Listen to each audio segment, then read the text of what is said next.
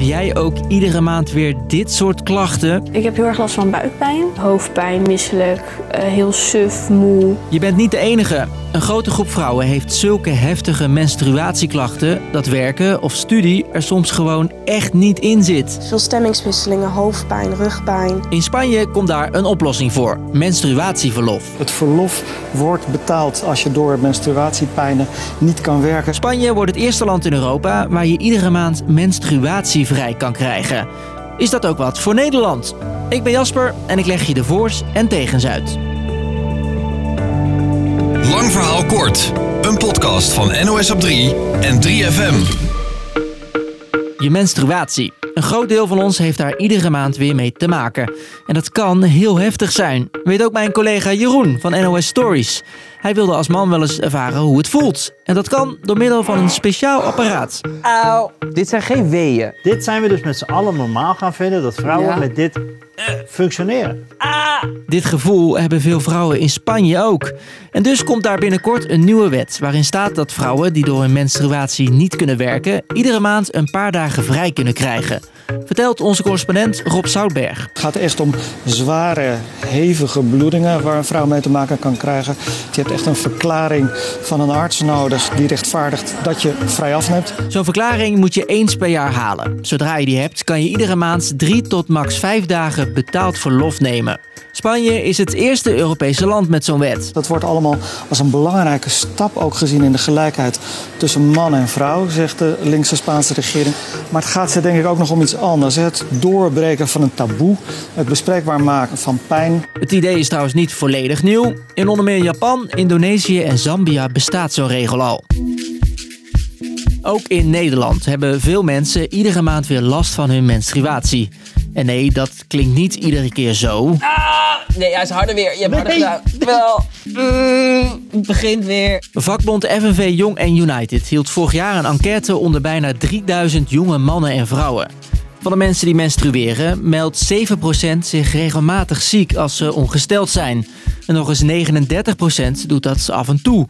Bijna 90% zegt dat ze, als ze ongesteld zijn, minder goed kunnen werken. En ook naar school gaan lukt soms niet. Ik heb wel af en toe dat als ik echt heel erg last heb, dat ik mezelf ziek meld. Maar hoe hevig ook mijn pijn is, ik probeer echt wel naar school te gaan. Ja, ik heb echt, eh, ik denk op een gegeven moment wel bijna de helft van het jaar gemist. Is zo'n menstruatieverlof dan ook in Nederland een goed idee?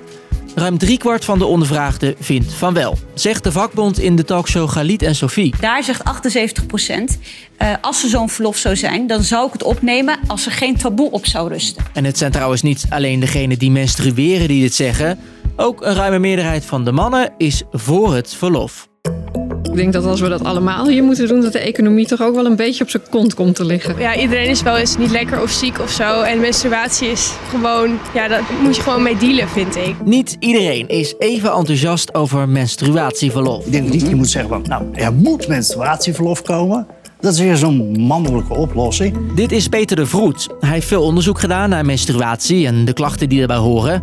Volgens hem is verlof niet dé oplossing, zei hij aan tafel bij Galit en Sophie. Ik denk dat je die vrijheid bij vrouwen neer moet leggen. En de ene vrouw die wil dat met een verlofdag. De andere vrouw zegt van, joh, kan ik alleen maar thuis werken? Dan ben ik al hartstikke blij. En ook bij FNV Jong en United zien ze een vrije dag tijdens je menstruatie niet als dé oplossing. Een land als Japan heeft bijvoorbeeld verlof, maar maakt, ja, vrouwen maken daar geen gebruik van. Vrouwen daar zijn bang voor discriminatie en dat hun baas anders naar ze kijkt als ze vaak vrijnemen als ze ongesteld zijn. Dus eigenlijk is het probleem is meer dat je het niet kan bespreken, er is geen begrip voor. Het gaat om taboe en niet zozeer om het verlof. En of er nog een taboe op menstruatie zit? Ja, het is niet echt schaam of zo, maar het is niet dat ik heel eh, blij over praat of zo. En mijn zus, eh, als ze boos is of zo, vaak wel eens ben je ongesteld of zo. En dan, ja, dan wordt ze snel boos op mij.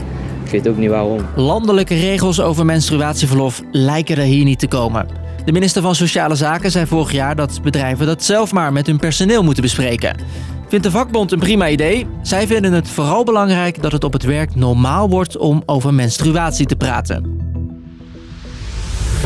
Dus, lang verhaal kort. In Spanje krijgen mensen die veel last hebben van hun menstruatie binnenkort iedere maand een paar dagen betaald verlof. Spanje is daarmee het eerste Europese land waar dit kan. In Nederland ziet een groot deel van de jonge mensen dat ook wel zitten. Al is het volgens de meesten vooral belangrijk dat we met elkaar meer over ongesteldheid durven te praten. Iedere werkdag praten we hier in de podcast Zonder Taboe over het nieuws. En daar kan jij dan weer naar luisteren in een nieuwe aflevering. En die staat rond 5 uur in je favoriete podcast app. Tot de volgende!